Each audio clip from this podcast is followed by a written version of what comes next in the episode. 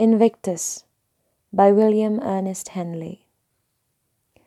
Out of the night that covers me, black as the pit from pole to pole, I thank whatever gods may be for my unconquerable soul.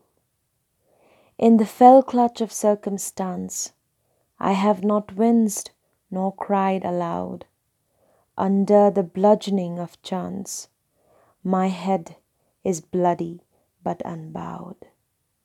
Beyond this place of wrath and tears looms but the horror of the shade, and yet the menace of the years finds and shall find me unafraid. It matters not how strait the gate, how charged with punishment the scroll. I am the master of my fate. I am the captain of my soul.